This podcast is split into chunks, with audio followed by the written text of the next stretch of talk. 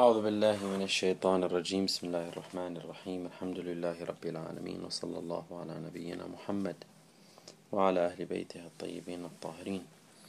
كان حديثنا حول القاعدة الرابعة وهي اجتماع أو إمكانية اجتماع الأمر والنهي.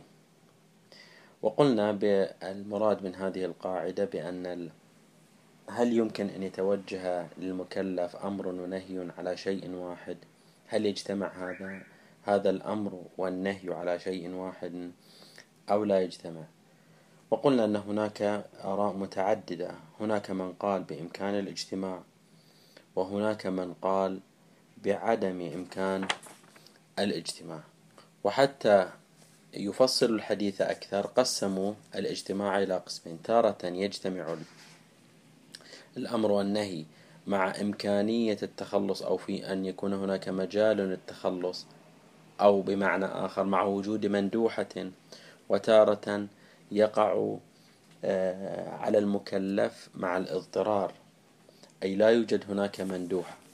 وقلنا مع وجود المندوحة آه، لا بد إن كنا قائلين بالامتناع امتناع اجتماع الأمر والنهي أو عدم جوازه. لا بد على الفقيه أن يفرق أن يفرق بين حالة عفوا لابد للفقيه أن يرجح إما حالة النهي ويترتب عليها شيء أو حالة ال أو يرجح حالة الأمر ويترتب عليها شيء.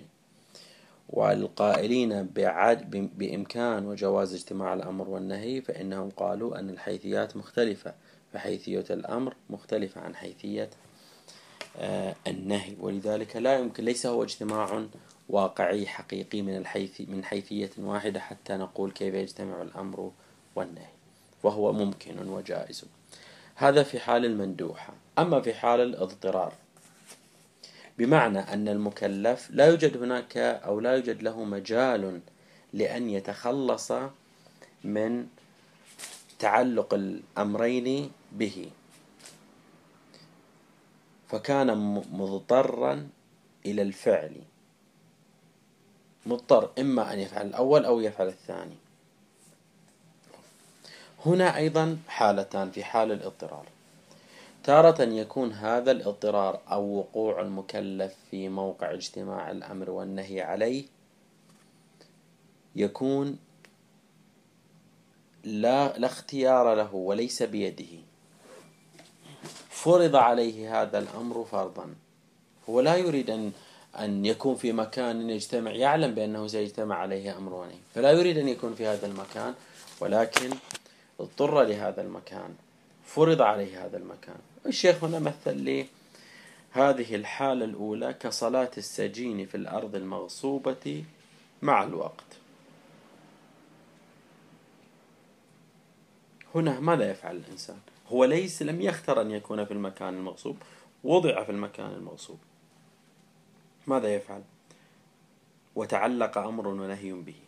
أو يكون الإنسان أمام أمرين إما أن ينقذ حيوانا محترما أو إذا أنقذ هذا الحيوان المحترم سوف يهلك إنسانا. فهناك أمر بإنقاذ الحيوان وهناك نهي بإهلاك هذا الإنسان. فماذا يفعل في مثل هذه الحالة؟ وهو لم يختر هذه الحالة. إذا في حال الاضطرار وكان هذا الاضطرار قد فرض عليه فرضا. هنا ماذا يفعل المكلف؟ الأصوليون قالوا لا بد للمكلف أن يرجح طبعا هذا على المستوى النظري أن يرجح أحد الملاكين. أي ملاك؟ قالوا الأقوى من هذين الملاكين. فإذا كان ملاك الأمر أقوى من ملاك النهي فإنه يبق يكون الأمر الأمر بالفعل آه، نافذ يكون الأمر بالفعل نافذا ويكون النهي معلق يعني موقف خلينا نقول ليس فعليا بحسب تعبير الأصوليين. يعني هذا الإنسان الذي آه، مثلا توقف هناك أمر بإنقاذ الحيوان وهناك نهي عن إهلاك الإنسان. وكان ملاك حفظ الإنسان أقوى من ملاك حفظ الحيوان أو إنقاذ الحيوان. فإنه يرجح النهي. يرجح النهي. إذا لابد أن يلاحظ المكلف أي الملاكين أهم. طبعا إذا استطاع أن يكشف الملاكات الأهم في بعض الأحيان لا يستطيع لا يعرف. ولكن مع إمكان القدرة أو إمكانية الكشف فإنه يقوم بترجيح الملاك الأقوى.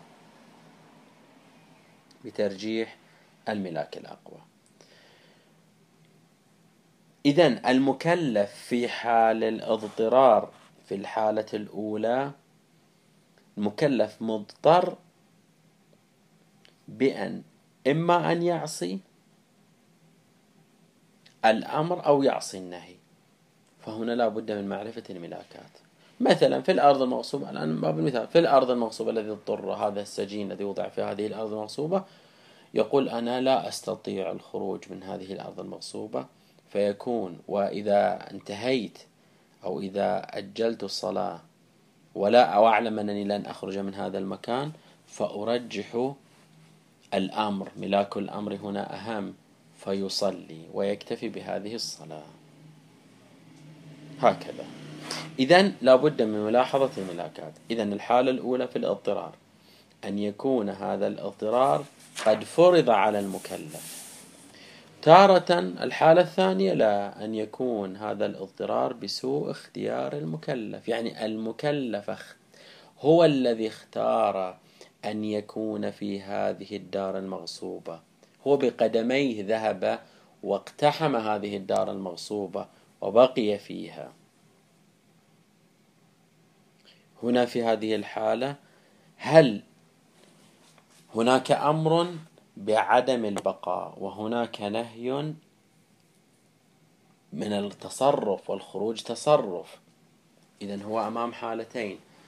أمر بالبق أمر نعم بالخروج ونهي عن البقاء.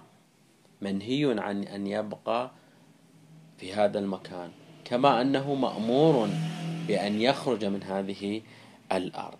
فإذا أصل دخوله الأرض المغصوبة هناك يعني أمران. أصل دخوله في الأرض المغصوبة كان باختياره وبفعله وبإرادته وهناك الاستمرار في البقاء وهناك الأمر بالخروج.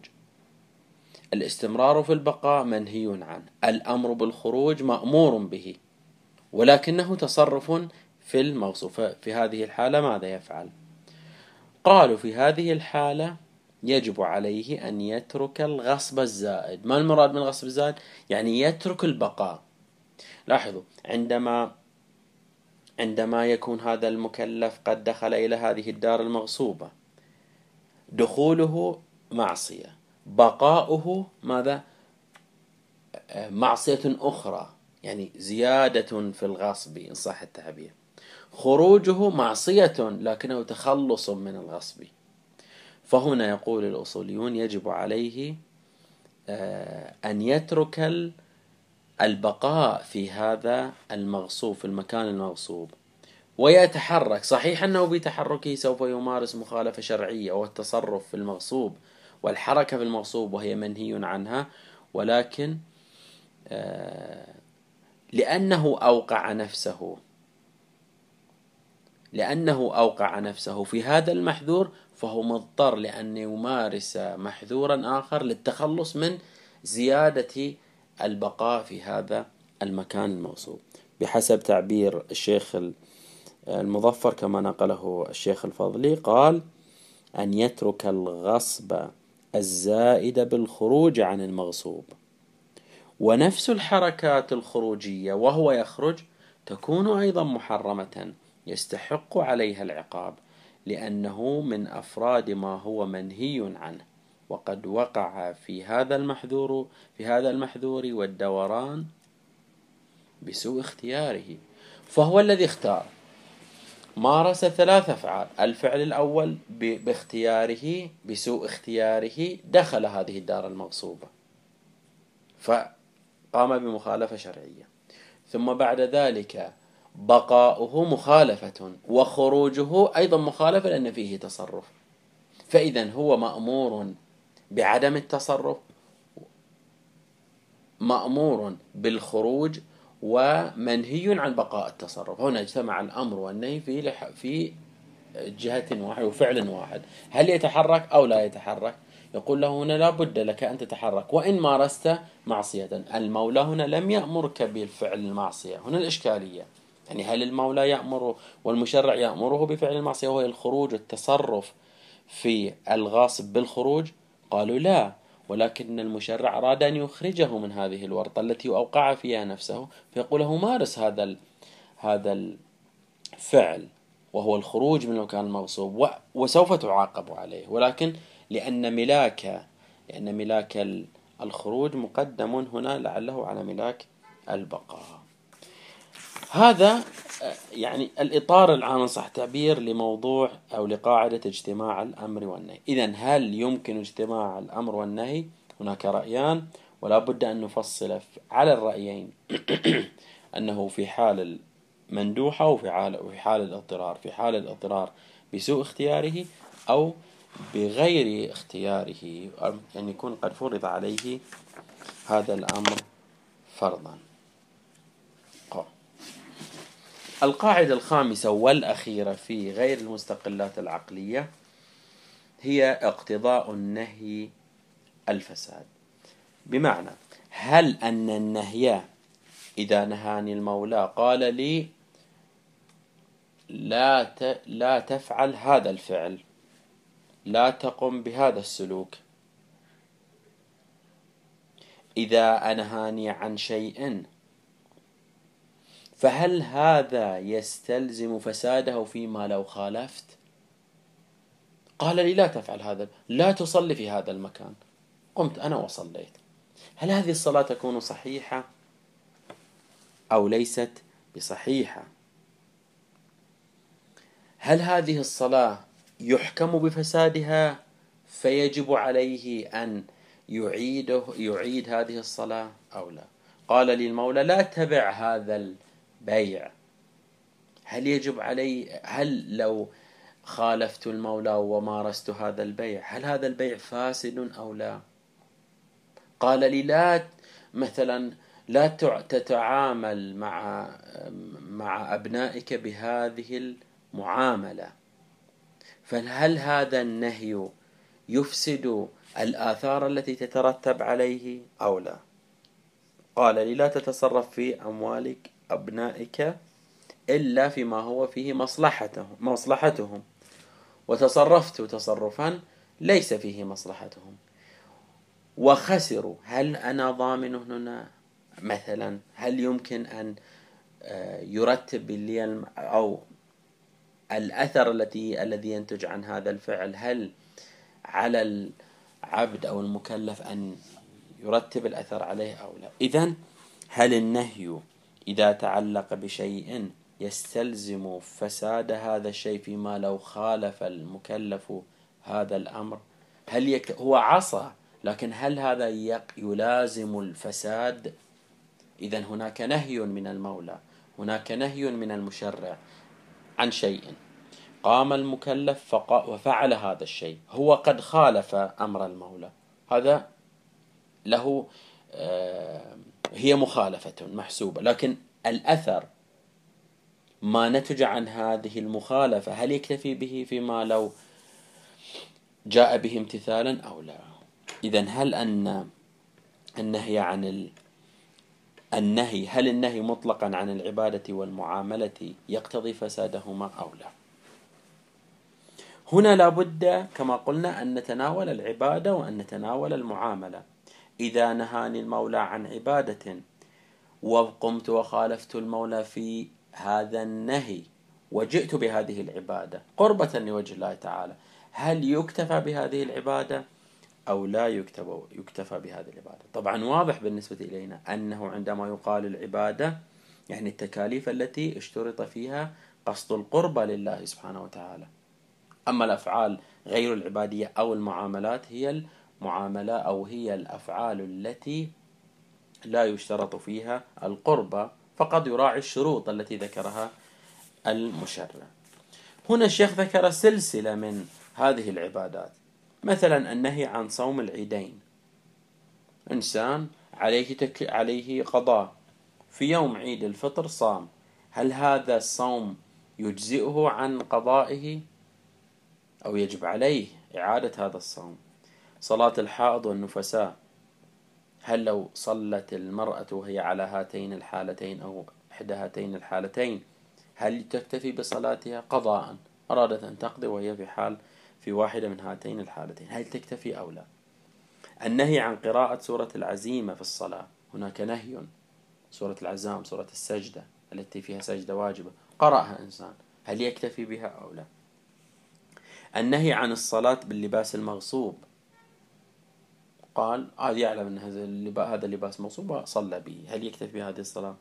النهي عن الجهر بالقراءة في موضع الإخفاء. طبعا كله مع العمد أما مع السهو مسألة أخرى. هنا هل يكتفي بذلك أو لا يكتفي؟ بل ربما يشمل حتى العمد والسهو في بعض الحالات التي ذكرها.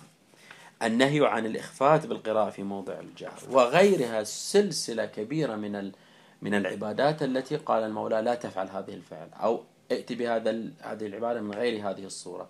وجاء المكلف وخالف. هل يكتفي بهذه العبادة أو لا؟ يبدو أن المشهور ربما المجمع عليه بين الفقهاء بين الأصوليين أن النهي عن العبادة يقتضي فسادها فسادها. يعني ما دام أن المولى قد نهى عن هذه العبادة فإتيان المكلف بهذه العبادة لن يبرئ ذمته ويبقى وتبقى ذمته مشغولة بعبادة بالعبادة التي جاء بها على غير الصورة التي أمر بها المولى أو جاء بالصورة التي نهى بها المولى لماذا؟ هي عبادة وقربة يعني لا نتحدث عن إنسان يصلي مثلا يصلي مثلا أو يصوم في يوم العيدين لا يصلي رياء يصلي قربة يصوم قربة لوجه الله تعالى. يقول أصوم هذا اليوم قربة لوجه الله سبحانه وتعالى أداء لما في ذمتي من صيام. ما المحذور في ذلك. لماذا العبادة أجمع الأصوليون على أنها أن النهي عنها مفسد لها؟ لا يمكن الاكتفاء بها. في الواقع هذا راجع ل السيستم الذي سينتج لنا العبادة. لاحظوا ما معنى أن المولى يقول أنهاك عن هذا الفعل؟ يعني أن هذا الفعل الذي تقوم به فيه مفسدة. وهذا الفعل الذي فيه مفسدة أنا أبغضه. أبغضه. فإذا امتثلته لم تمتثل ما يرضيني وإنما قمت بفعل ما يغضبني وما لا أرتضيه. فكيف تكتفي بذلك؟ وكأن هذا يعني الالتزام الالتزام أو القيام بالفعل المنهي عنه كأنه لا يحقق رغبة المولى. المولى يقول لك يوم يوم عيد الفطر لا تصوم فهو مبغوض عندي. كيف يمكن أن تلتزم بما هو وتتعبد وتتقرب إلى الله بما هو مبغوض عنده؟ لذلك قالوا أن المراد المراد من العبادة هو كسب رضا الله سبحانه وتعالى. فهل يمكن أن يكتسب الإنسان أو يكسب الإنسان رضا الله, رضا الله سبحانه وتعالى بما هو مبغوض عند الله سبحانه وتعالى؟ لا يمكن. ولذلك إذا نهاك عن عبادة فقد أظهر بغضه لها. فلا يمكنك أن تلتزم بهذه العبادة. وإذا وإذا التزمت بها فإنها لن تنفعك ولن تبرئ ذمتك بحسب هذه القاعدة. إذا إذا كان المنهي عنه عبادة فإنه لا يمكن أن تبرأ ذمته فهي فاسدة كأنها فاقدة شرط من الشروط. هذه الحالة الأولى. إذا النهي عن العبادة مفسد لها. الآن المعاملة. هل النهي عن المعاملة مفسد لها أو لا؟ هنا الأصوليون قال لابد أن نفرق بين نوعين من المعاملات. تارة يكون النهي عن العقد عن إجراء العقد. وتارة يكون النهي عن نفس المعاملة. يعني هناك نهي من الله سبحانه وتعالى. بسم الله الرحمن الرحيم. إذا نودي للصلاة من يوم الجمعة فاسعوا إلى ذكر الله وذروا البيع اتركوا البيع. نهى عن البيع. إذا نودي للصلاة إذا أذن يوم الجمعة فإنك منهي عن أن تقوم بإجراء عقد. البيع هو العقد. المعروف عند الأصوليين أن يقولون أن النهي عن المعاملة لا يدل على فسادها على فسادها. لماذا؟ نهى عنها يعني يبغضها. لا قالوا لا. فرق أن ينهى المولى عن عبادة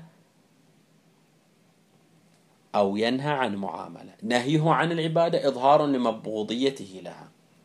أما نهيه عن معاملة يعني أنه أنه لا يريد تحقيق هذه المعاملة في هذا الوقت. ولكن المعاملة مكتملة الشروط. وببيان آخر في العبادة إذا أبغض المولى العبادة وجاء المكلف بهذه العبادة فقط فقد أسقط شرطا وهو شرط التقرب إلى الله سبحانه وتعالى. المعاملة الله سبحانه وتعالى نهى عنها لمصلحة لكن هذه المصلحة لو جاء بها المكلف هذا لا يعني نعم هو خالف فعل خالف أمر المولى وهذه معصية. ولكن هل فقدت المعاملة شرطا من الشروط؟ لا. إيجاب وقبول ثمن مثمن وغير ذلك. إذا هي مكتملة المعالم ولكنه الله لا يريد إيقاعها لا يريد إيقاعها في هذا الوقت. فماذا فعل؟ قال أنا لا أريدك أن توقعها في هذا الوقت. فقط. وإلا الشروط لا يعني الشروط واحد اثنين ثلاثة أربعة. جئت بهذه الشروط كاملة وأوقعتها في الوقت الذي لا أريده خالفت. ولكن هذه المعاملة صحيحة لاكتمال شروطها. إذا لو كان النهي متعلقا بنفس العقد تارة يكون النهي متعلقا بنفس المعاملة. هناك رواية تقول لا تبع المصحف. لا تبع المصحف. يعني ماذا؟ يعني يقولون لا لا يقول له لا يعني عندما يقول لا تبع المصحف أو أنهاك عن بيع المصحف. لا يعني أنه ينهى عن إجراء العقد. وإنما ينهاه عن وقوع معاملة على مصحف. والفرق في الحالة الأولى النهي عن العقد قال البيع ما هو؟ هو العقد إيجاب وقبول. هنا يقول له لا تبع في الحالة الأولى. أما في الحالة الثانية يقول له لا لا تجعل المصحف لا تجعل المصحف موضوعا للبيع. فهو لم ينهه عن إجراء العقد وإنما أن يكون المصحف الشريف موضوعا للبيع. هنا رأيان. الرأي الأول ذهب إلى أن النهي يقتضي الفساد. النهي هنا يقتضي الفساد. لأنه المولى لا يريدك أن توقع هذه المعاملة لا يريد منك إيجاد هذه المعاملة. فهو باغض لها وكأن ذلك شرطا مثلا. الرأي الثاني أنه آه، الذاهب أو القائل بأنه لا يفسد المعاملة. هذه المعاملة ليست فاسدة. نعم خالفت مخالفة شرعية ولكنه الشروط مكتملة وليس من شروط البيع أن توقعه في زمن يرضى المولى عفوا أن توقعه على موضوع يرضى المولى أو لا يرضى به. إذا هذا الفرق. طبعا الشيخ لم يفصل هنا أيضا لأنها آه، فيه تفاصيل كثيرة مسألة النهي عن المعاملة وما يرتبط بذلك. إذا الخلاصة أن القاعدة الخامسة اقتضاء النهي الفساد. اقتضاء النهي الفساد هنا لا بد أن نفرق أنه إذا نهي عن عبادة وإذا نهي عن معاملة. النهي عن عبادة مفسد لا يمكن الاكتفاء بها. النهي عن المعاملة يمكن الاكتفاء بها في بعض الحالات إذا كانت آه، نهي عن العقد وإجراء العقد. فقط هنا نقطة نسيت أن أذكرها. الشارع المقدس ذكر بعض أو لديه معاملات نهى عنها ومع ذلك رتب الأثر كالظهار. الظهار نهى عنه المولى لكن يرتب الأثر عليه. هو هو الشرع يرتب الأثر عليه. ما هو الظهار أن يقول الرجل لزوجته أنت علي كظهر أمي؟ يعني يقول أنا لا أقاربك أنت علي مثل أمي تكوني مثل أتعامل معك كأمي. قال الشارع يقول لا تقل لزوجتك هذا القول حرام عليك. لكن لو جاء رجل وتعسف وقال هذا القول. هنا يقولون لم يقل له المولى لا لا أثر لك لا يقول له له أثر. أنا منعتك عنه. منعتك وهذا الفعل محرم هذا القول محرم ولكن أرتب عليه الأثر. فتجب عليك الكفارة إن أردت آه، مقاربة زوجتك. إذا هو نهى عن شيء ورتب أثر. من المفترض أنه لو نهى عن شيء لا يرتب يقول لا أنا لا أرتب عليه. أصلا هذا لا تفعله. لا تفعله ماذا يعني؟ يعني لو فعلته لم أرتب الأثر لكن وجدناه رتب الأثر عليه. إذا النهي عن المعاملة لابد أن نفرق النهي عن العقد أو النهي عن نفس إيجاد المعاملة أو تحقيق المعاملة أو كما عبرنا جعل بعض الأمور المنهي عنها ماذا؟ موضوعا للبيع. إلى هنا نكون قد انتهينا من الأدلة الاجتهادية. تحدثنا عن القرآن الكريم ما يرتبط بالقرآن الكريم تحدثنا عن السنة ما يرتبط بالسنة ثم تحدثنا عن القواعد التي نتعامل معها أو بها مع القرآن والسنة التعارض بين القرآن والسنة التعارض بين الأدلة اللفظية ثم بعد ذلك انتقلنا إلى الإجماع حجية الإجماع انتقلنا إلى العقل قسمنا العقل والدليل العقلي حجية دليل العقل انتهينا من القواعد. إذا هنا اكتملت لدينا منظومة الأدلة الاجتهادية. فالفقيه إذا أراد واجه مسألة يذهب إلى القرآن يذهب إلى السنة يذهب إلى الجماع يذهب إلى العقل يحاول أن يعالج هذه النصوص أو يعالج هذه القواعد مثل أو هذان المصدران العقل والإجماع. يحاول أن يجمع بينهما يخرج برؤية يقول يجوز فعل كذا لا يجوز فعل كذا. ولكن ماذا لو لم يستطع؟ لا إما لا يوجد دليل أو لم يستطع المكلف أن يعالج أو الفقيه أن يعالج هذا الأمر. ماذا يفعل؟ لديه أدلة تعارضت الأدلة تساقطت الأدلة. ماذا يفعل هنا يفعل؟ يقوم بهذا الفعل أو لا يقوم بهذا؟ لديه أدلة لكنها تعارضت وتساقطت مثلا. أو من الأساس لا يوجد له دليل.